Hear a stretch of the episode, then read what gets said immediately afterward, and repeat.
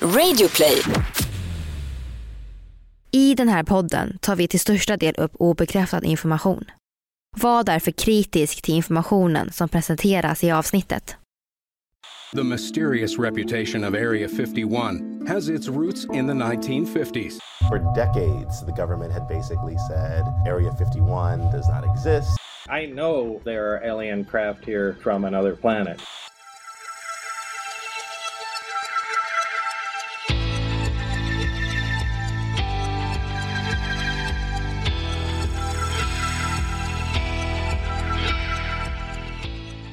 Ni lyssnar på Konspirationsteorier, en podcast med Vivi och Aida.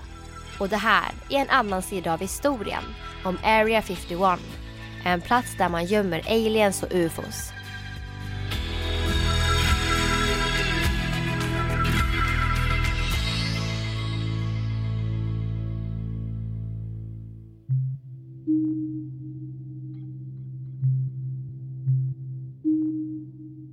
Det är den 8 juli 1947. Och i dagens nummer av tidningen Roswell Daily Record kan vi läsa om något riktigt skrämmande. Bara någon vecka tidigare har något ytterst sensationellt inträffat och nu är det dags för journalisterna att upplysa allmänheten. Det som står i tidningen handlar om vad bonden Brassell och sonen Vernon stötte på i Roswell. Det var något märkligt som de aldrig sett tidigare. De har nämligen hittat spår av en utomjordisk krasch här på jorden. Medborgarna slukar texten i tidningen. Aldrig någonsin tidigare har de hört talas om något så ovanligt som det här. Vad var det här? Journalisterna skriver att Brassell hittat ett metallföremål mitt i öknen.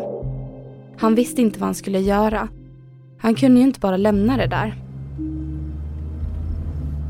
Några dagar senare bestämde han sig för att ta föremålet till polisen. Och precis som Brassell hade de aldrig sett någonting liknande förut. Polisen tog kontakt med flygvapnet i Texas. Där för att ta emot och undersöka föremålet fanns major Jesse Marcel. Och han konstaterade snabbt att metallprylen inte hade tillverkats av mänskliga händer. Sen tar artikeln slut. Och det är här vår historia börjar. Sedan den artikeln, den 8 juli 1947, som berättade att man hittat spår av ett kraschat UFO här på jorden, så funderar människor kring rymden och utomjordingar. Allas blickar riktas uppåt och samma år rapporteras omkring 300 larm om liknande händelser. Brassells och Vernons upptäckt får namnet Roswell-incidenten och nu är det ett faktum och hela USA kokar över av hysteri, panik och ufo-paranoia. Och mitt i allt det här så finns det en plats som väcker extra många frågetecken. En plats som liksom förkroppsligar landets rymdfascination och som ska komma att vara till grund för mängder av konspirationsteorier. Ja, ni gissade rätt. Area 51. När ryktena om utomjordingar blossade upp under 60 och 70-talet började människor kampa utanför Area 51s säkerhetsgränser Konstiga ljus i natthimlen var vid den här tiden vanligt förekommande. I och med rymdintresset var såklart utomjordingar det första man tänkte på när man såg konstiga ljussken i natthimlen. Thornton Barnes, en radarspecialist på Area 51, berättade i en dokumentär av National Geographic Channel att området aldrig riktigt var en flygbas.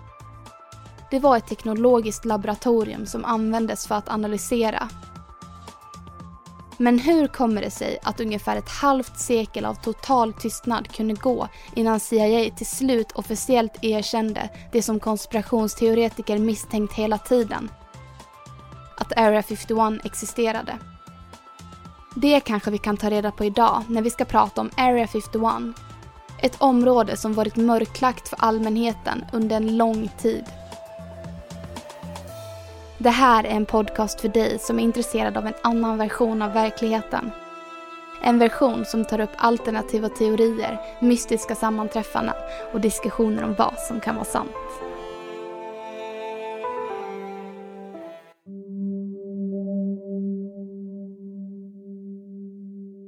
Vi hoppar fram några år till mitten av 70-talet. Hela USA hade ett stort intresse för rymden de hade precis lyckats med den första månlandningen och rymdåldern var här. USA hade äntligen gått segrande över Sovjet i rymdkapplöpningen. Men rymden var fortfarande stor och outforskad. Aliens, ufos och flygande tefat var omtalade ämnen som dök upp i den lokala tidningen lite om vartannat. Och just dessa saker var också någonting som de verkade syssla med runt Groom Lake, en uttorkad sjöbotten omkring 200 kilometer norr om Las Vegas. Det var nämligen nu som lokalbefolkningen började se något märkligt. Platsen var helt öde och det fanns inga hus så långt ögat kunde nå. Med Roswell-incidenten i bakhuvudet var det både nyfikna och skräckslagna blickar som riktades uppåt mot rymden. Där uppe fanns någonting. Flera människor kunde faktiskt se något som snabbt rörde sig i luften och som inte såg ut att vara från jorden. När ryktena gick varma om att man skymtat aliens och ufos i området började man försöka hitta en logisk förklaring till det. Varför just i Nevada, mitt i USAs öken? Det kunde ju knappast vara så att alla ufos drogs dit. Nej, men det kanske fanns ett laboratorium dit man förde alla kraschlandade farkoster eftersom att man inte fick besöka området på grund av strikta militära avspärrningar blev människor starkt fundersamma. Vad behövde regeringen gömma bakom kameror, beväpnade vakter och rörelsesensorer? Vad det nu än må vara så var det väldigt hemligt för varken vanlig trafik eller lufttrafik fick vistas i närheten utan möttes av bom, galler och order om att vända tillbaka direkt. Många, många år senare bekräftades existensen av denna hemliga plats. Då avklassifierades dokumenten som varit hemliga så länge. Juni 2013 var första gången de amerikanska medborgarna fick svar på de frågor som cirkulerat i deras huvuden sedan 70-talet, om inte ännu längre. Den första artikeln som går att finna om området är från 1980-talet. I ingressen står att basen måste vara Amerikas hemligaste bas och liknar någonting ur en Bondfilm. I artikeln berättade man att på basen utvecklades laservapen och hemliga plan, något som definitivt satte platsen på kartan. Men regeringen fortsatte neka basens existens. När två personer som arbetat på basen dog och flera blev sjuka under 90-talet stämde deras familjer US Air Force och EPA. Det var svårt att dölja basen och kemikalierna som fanns där, vilket gjorde att president Clinton befriade The Air Force Operating Location near Groom Lake, Nevada från miljölagar och offrens familjer blev utan svar. Dokumenten som släpptes 2013 berättade varför och hur idén växte fram ur Nevadas öken. Det hemliga området hade namnet Groom Lake, Paradise Ranch eller Dreamland. Men för medborgarna var det ett annat namn som klingade rätt. Området kallades Area 51 och blev för konspirationsteoretiker hemmet för forskning och tester på främmande liv.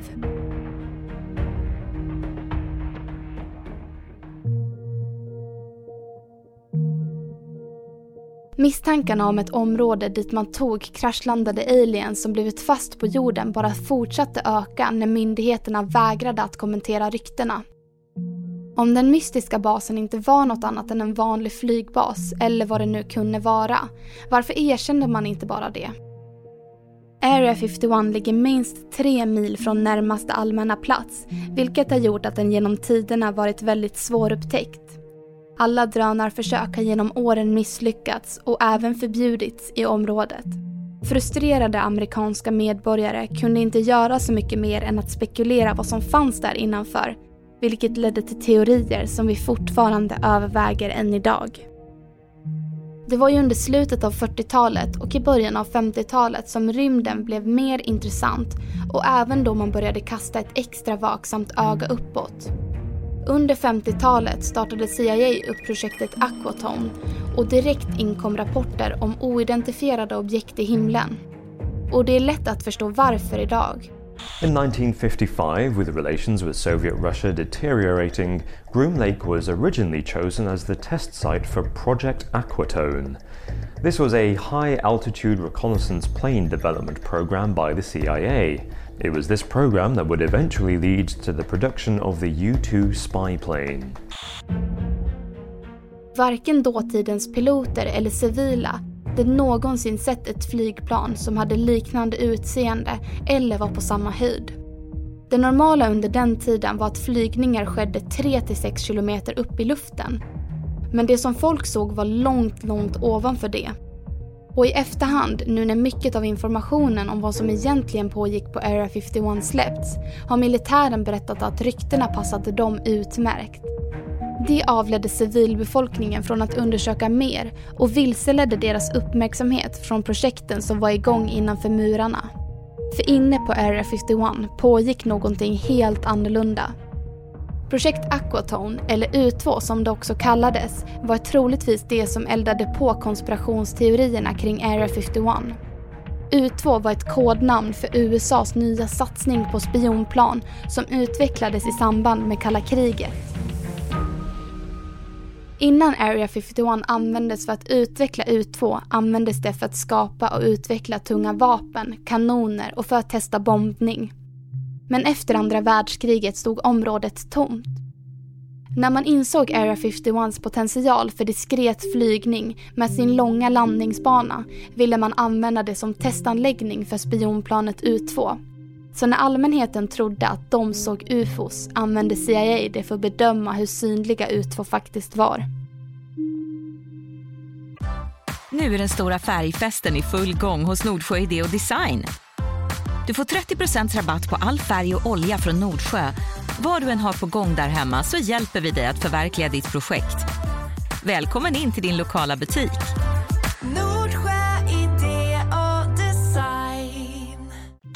Online, you're on the air. Hello. Hello, Art. Yes. Hi. Um, I, I, I, I don't have a whole lot of uh, time. Were you an employee or are you now? Uh, I, a former employee. Former um, employee. I, I, I was let go on a medical discharge about a week ago, and and I, I've kind of been running a, across the country. Um, oh man, I don't know where to start. There, there Well, you can't spend a lot of time on the phone, uh, so give us something quick. Okay. Um. Okay. What what we're thinking of as as aliens are they're uh, they're they're extra dimensional beings that an earlier precursor of the um, space program made contact with. Uh, they they are not what they claim to be. Uh, they have infiltrated a lot of uh, uh, a, lot of aspects of, of, of the military establishment, particularly the Area 51. När en man ringde in till programmet Coast to Coast år 1997 blev världen skräckslagen. Mannen som ringde in hade panik, var rädd och sa att han hade arbetat på Area 51. Men nu kanske ni tror att CIA använde Area 51 och rykten om aliens för att luras. Men så lätt är det inte att avfärda den här konspirationsteorin. För det finns nämligen andra perspektiv på Area 51s verksamhet. Och det första trovärdiga beviset kom faktiskt inifrån basen från en man vid namn Bob Lazar. Lazar's story is by any standards fantastic. He says he's telling it in order to protect himself. He says he was hired to work at an area called S4, which is a few miles south of Groom Lake. At S4, he says, are flying saucers, antimatter reactors, and other working examples of technology that is seemingly beyond human capabilities. Right. This this came from somewhere else. I mean, as bizarre as that is to believe, but I mean, it's there. I saw it. I know what the current state of the art is, and Han påstod att han hade arbetat på Area 51s närliggande bas, Area S4, med att studera utomjordiska farkoster. Area S4 var en ännu hemligare bas som låg gömd i bergen. När Lazar såg de farkoster han skulle arbeta med trodde han i början att det rörde sig om hemliga flygplan. Men så var det inte. Han arbetade bara på basen ett kort tag. När han upptäckte att hans födelsecertifikat var försvunnet insåg han att något inte stod rätt till. År 1989 berättade han för allmänheten vad som egentligen pågick bakom de stängda dörrarna. Ett smart val nu i efterhand. Det kan nämligen ha räddat hans liv om historien nu stämmer. Lazar berättade att han var anställd för att plocka isär kraschade ufos för att förstå vilken teknik som de utomjordiska varelserna använde. Han kom fram till att de drevs av ett bränsle bestående av grundämnet ununpentium, eller element 115 som det är känt som i detta sammanhang. Det skulle enligt Lazar ha antigravitationsegenskaper som gjorde att ufon kunde flyga. When setting the periodic table, leave room for an extra element. Researchers in Sweden say they've made one by slamming together the atoms of calcium and americium. And it's a beast. Its atomic number is 115, much heavier than lead or uranium. Its temporary name is ununpentium, much harder to say than lead or uranium. But you can't see it. Right after the atoms collided, the element disappeared in a flash of radiation. You can't find it, it doesn't exist in nature. Swedish scientists can't say they invented it. Russian researchers first made this element in 2004, and you can't really do anything with it. They say it's just not practical. What is element 115? Is it found here on Earth or is it strictly an extraterrestrial material?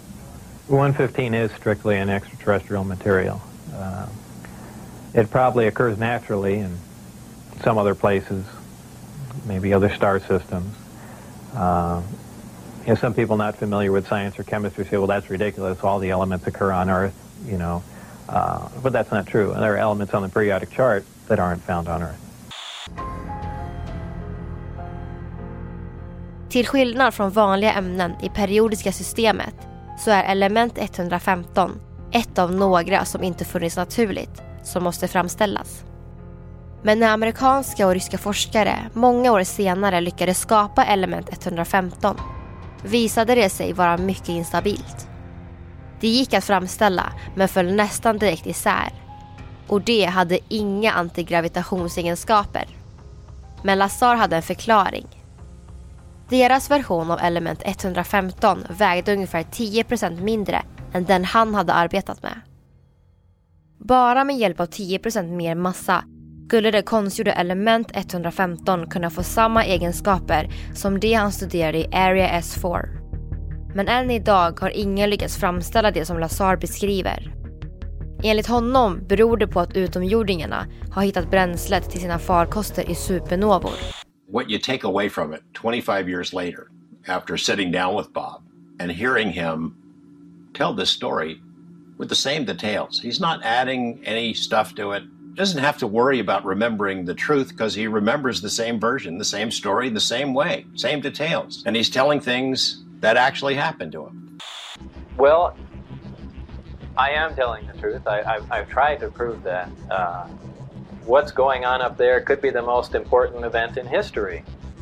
You're talking about contact, physical, physical contact, and proof of, from another another system, another planet, another intelligence. That's got to be the biggest event in history. Period. And it's real. And it's real, and it's there. Många människor har genom åren dumförklarat Lazar och påstått att hans historia var rena rama struntpratet. Men bara tills nu.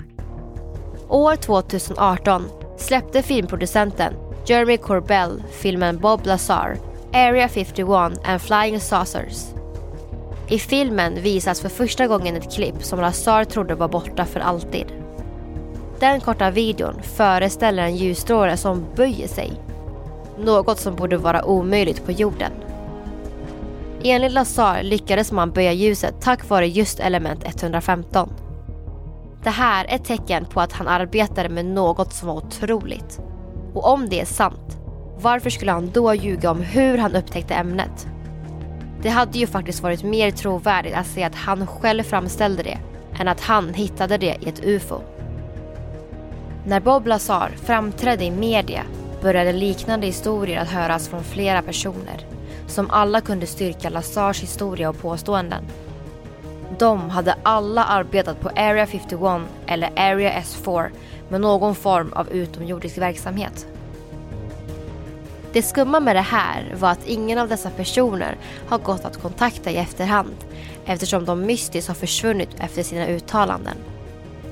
Men Bob Lazar finns kvar och många konspirationsteoretiker tror att det är för att det har blivit för svårt för regeringen att göra sig av med honom när han har blivit så pass omtalad i media.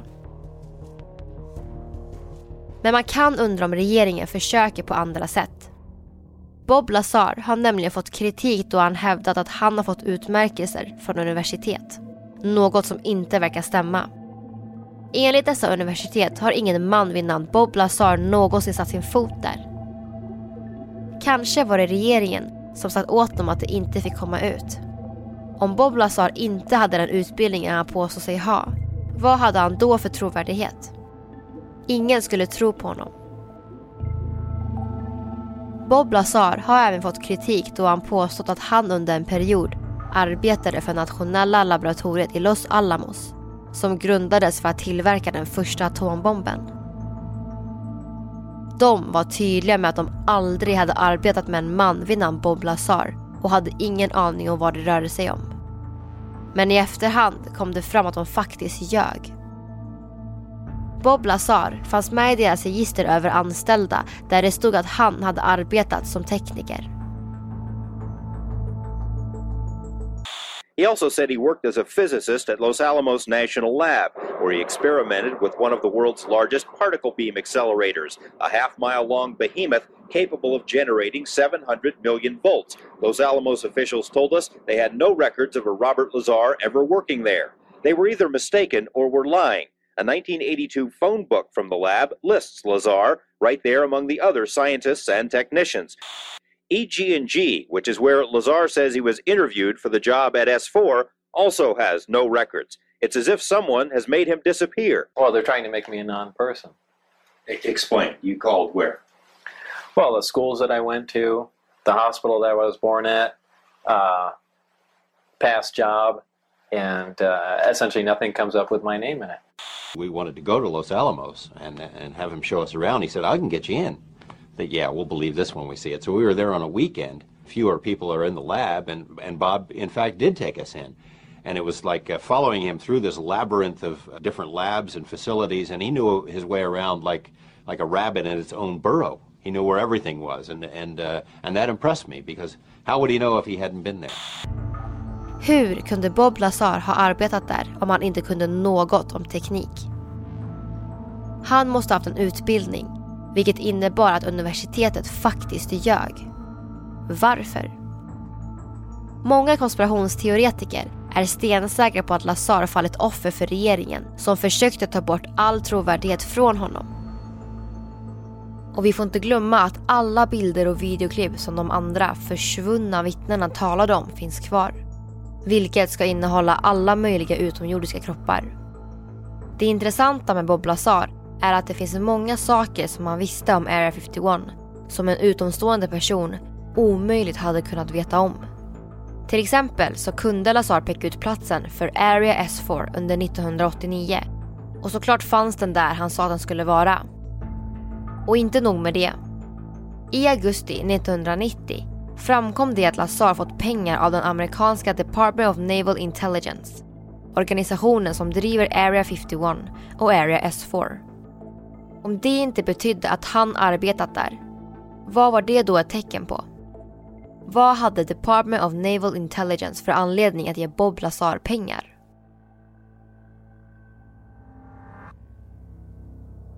Det vi vet nu är att alla verkar undersöka olika saker.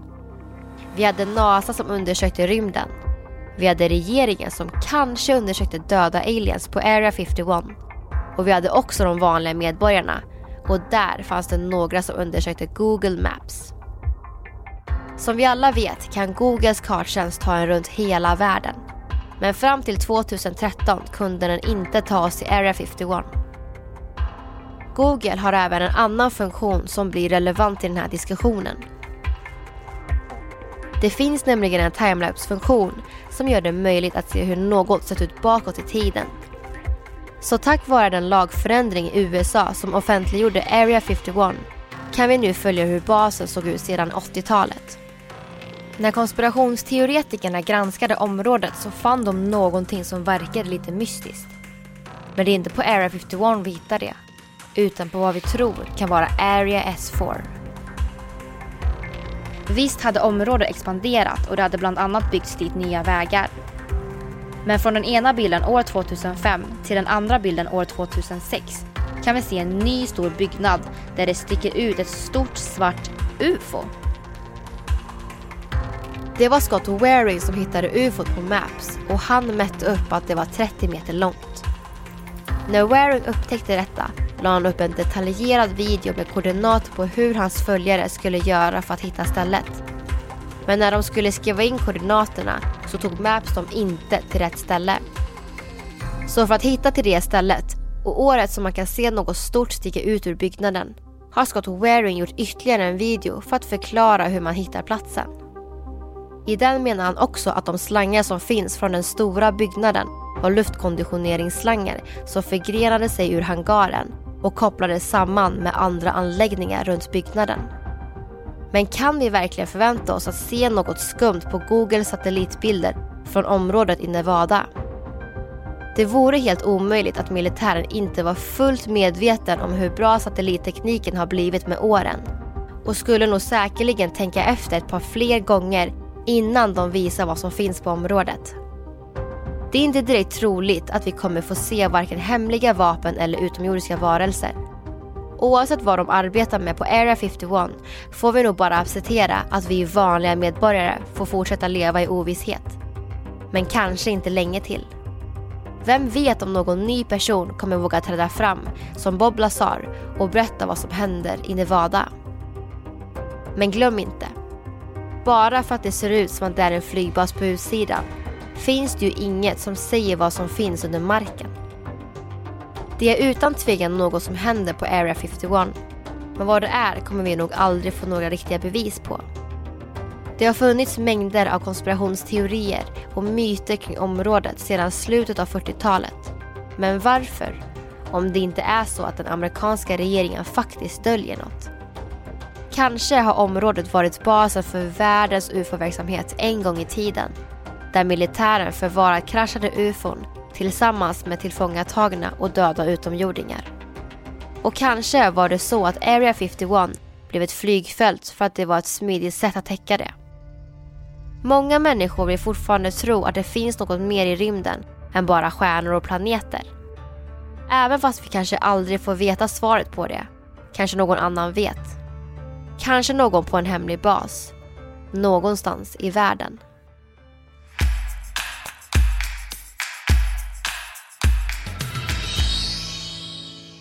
Ja, och det var allt om konspirationsteorin om Area 51. Men alltså Vivi, vad, vad betyder det här egentligen? Namnet då?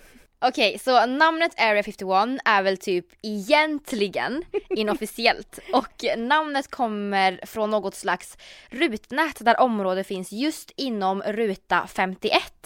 Jaha. Mm, och de som arbetade där säger nog egentligen att de jobbade nära Groom Lake. Ja. Så att det är där namnet kommer ifrån. Ehm, men till lite annat då som inte har med namnet att göra.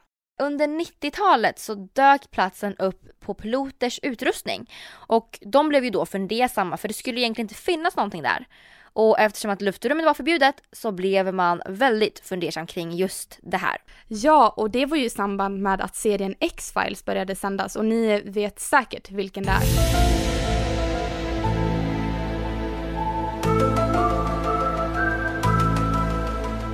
Ja, och som ni alla tänker så tänker ni säkert på Illuminati, men den här låten är faktiskt från X-Files och det är deras theme song.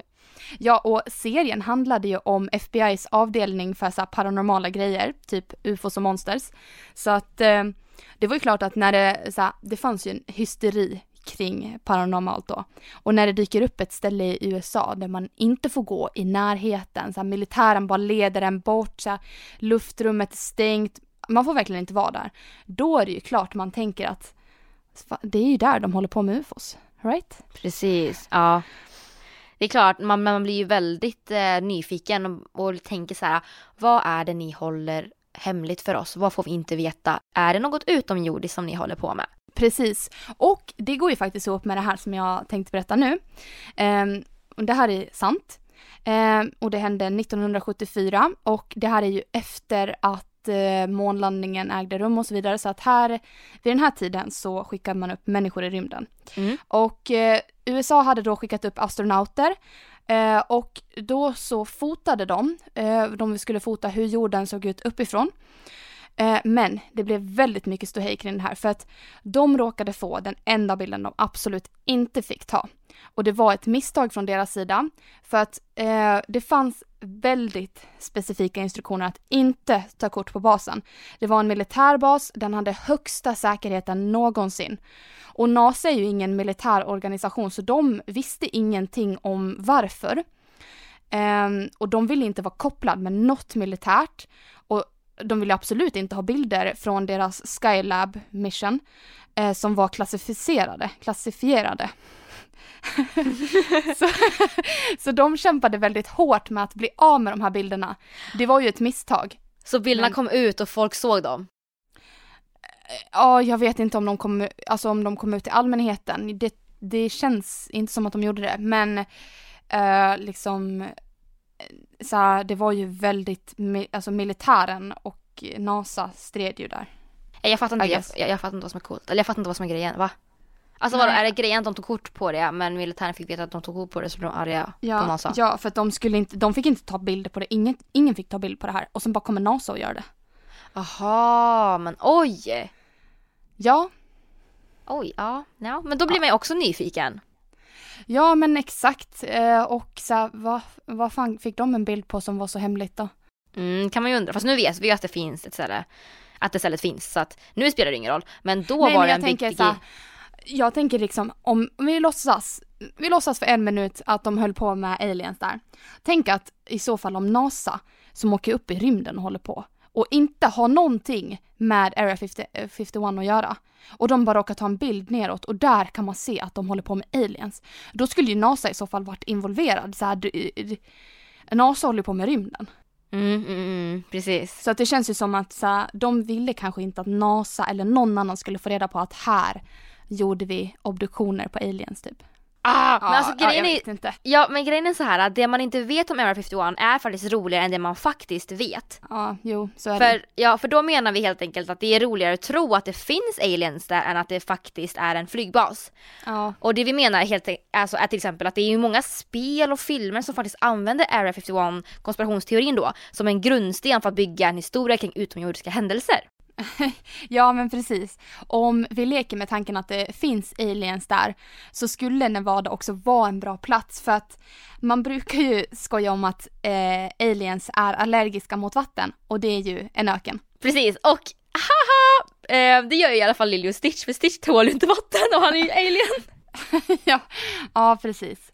Eh, och om ni lyssnade på vårt tidigare avsnitt om månlandningen så är det här platsen där man eh, tror att månlandningen spelades in. Jaha, mm. Ja, och eh, då får vi bara lämna det här får ni se om ni tror att de spelade in där eller inte. Och vi vill bara avsluta diskussionen med ett begrepp och det är faktiskt en true believer. Och det är helt enkelt individer som fortsätter att tro på paranormala event eller fenomen trots att de faktiskt blivit motbevisade. Och ja, jag sa en true believer, inte believer. ja, just det. Mm. Ehm, helt enkelt att man fortfarande tror på liksom aliens och det, även om de säger att Area 51 inte var, att det inte var aliens där så tror man fortfarande det. Man liksom tror inte på att det är motbevisat. Ah, I see. Ja, så är du en true believer? Eh, hmm, nej, kanske inte. Men så här, undra om eh, de tar med sig spöken och sånt i, i det begreppet. För då Ja. kanske man är det. Ja, alltså vi får helt enkelt kolla upp det och återkomma för jag tänker ju true believer är ju för paranormala event och spöken och sånt är ju paranormalt. Ja, Eh, jag tänker också det. För mm. då, eh, jag tror faktiskt på spöken. Ja, precis. Nej men eh, det, vi får kolla upp det här och kanske återkomma i ett något annat avsnitt. Yes. Men ja, eh, jag tror i alla fall inte på Area 51. Jag... Eh, Ja, jag alltså, du, du tror inte att det finns aliens där i alla fall? Inte, i- ja eh, precis, jag tror inte att det finns aliens där men jag tror ju fortfarande att vi inte är de enda varelserna på hela, liksom, i hela galaxen. Alltså jag tror ju att det finns andra varelser men jag tror bara inte att vi håller på med dem just på Area 51. Nej, alltså ja, det är ju att liksom aliens och sånt finns, det är ju en helt annan fråga. Eh, men att de håller på med det på Area 51 eller Area S4. Eh, nej. Nej. Nej, jag tror inte det heller. Men Vivi, vad hade krävts för att du skulle tro på den här teorin? Ehm, oj, det är en bra fråga. För det Alltså- finns ju ändå så bilder och sånt på aliens därifrån och vi har ju Bob Lazar som har kommit med så massa revolutionerande böjda ljusstrålar och så vidare. Ehm, alltså, jag, det, jag, nej, jag tror inte på det. Jag, jag tycker att bevisen är alldeles för bristfälliga och bevisen på de här aliensen som finns på nätet, de ser bara konstiga ut, de ser bara konstiga ut. Så jag tror inte alls på det. Jag tror faktiskt på det faktum att det bara var en flygbas och, man, och att man höll på med att bygga ehm, flygplan och hålla på med det. Ja. Vad tråkig jag lät nu. Nej, men... ehm, ja, Hur jag- känner du? Nej, jag instämmer väl på det du eh, säger för att jag vågar inte riktigt tro att eh, de håller på med det där. Det känns, eh, det känns konstigt. Ja. Men det här med Bob Lazar ehm, och att eh, såhär, han har fått pengar, han sägs ha jobbat där men de vill inte alls, alltså de erkänner inte alls att han har jobbat där. För mig är det liksom så här lite mystiskt och kanske lite så här, vad gör regeringen mot honom? Men det känns som att det är en helt annan fråga det också. Ja, alltså det är jättekonstigt att exempelvis universitetet sa att han aldrig var där. Eller att något företag som han jobbar med så- också förnekar att han hade jobbat där. Men att det visade sig att han faktiskt hade jobbat där. Och att, det vi- bevis, att de kunde bevisa att företaget ljög. Och Ja. därav kanske universitetet också ljög. Ja. Eh, för att få honom att verka, eh, vad heter, ja men precis dum, alltså att, att han bara hittar på. Eh, Ja. Så man kan ju undra lite vad det är, att det kanske är någon, någonting han säger som är sant men inte... Jag, jag, ah, jag vet Alltså inte. en intressant grej med Bob Lazar, det är ju att om han lyckades med det här med element 115 så, alltså nu typ, tänker jag reservera mig för att någon fysiker kanske får rätta mig. Men om han lyckades med det han påstås ha gjort, då hade det varit mycket bättre för honom att faktiskt säga själv att okej här, jag har lyckats böja ljus med det här. Istället för att han bara okej det är alien som använder det här för att böja ljus och bla bla bla. Alltså han hade tjänat mycket bättre på att bara okej men jag lyckades faktiskt göra det här för det är jag som liksom kan grejer. Hänger du Ja, med? Att han, ja, så här, ja. han, det är ju han som har lyckats åstadkomma det i så fall. Inte att liksom någon alien har gjort det. Det känns så här, han tjänar inte alls på att någon ska tro att det är en alien. Men alltså jag tänker verkligen inte alls så här, lägga mig i fysik och kemi. Nej, jag kände också det. Jag bara, det är lite bortom mina ämnen. Ehm, Ja, verkligen. Men nej, kort sagt så är jag, ehm, jag tror inte på att det fanns aliens på Area 51 och att man liksom gjorde, alltså att det var adoption på dem liksom. Nej. Nej. Men ifall, nej, men ifall ni tror på det så får ni ju jätte, jättegärna säga det till oss. Vi finns ju som sagt både på Facebook och Instagram. Och vi heter konspirationsteorier på Facebook och världens konspirationsteorier på Insta. Japp, och gå gärna in och eh, kolla in vår källförteckning för att skriva till oss med ännu mer eh, bevis kring att konspirationsteorin är sann, för det är askul. Ja, och glöm inte att prenumerera på podden. Vi finns överallt, så det är bara att köra på. Ja, och vi hörs nästa vecka. Hej då! Vi hörs då! Hej då! that Diana, Princess of Wales, has in fact been killed in that car accident. Nobody in the car was wearing seatbelts. Oddly enough, this was really strange for Diana in particular because she was always pictured in cars wearing seatbelts and putting her seatbelts on. Another really strange bit of information is that the ambulance was ordered to stop by the doctor in the car because apparently her injuries were getting so bad. They actually stopped 30 seconds away from the hospital in front of a museum when the literally the entrance to the hospital was in sight. So it was like very bizarre that they just stopped right there. Many people think that in the ambulance they were actually trying to make her injuries worse.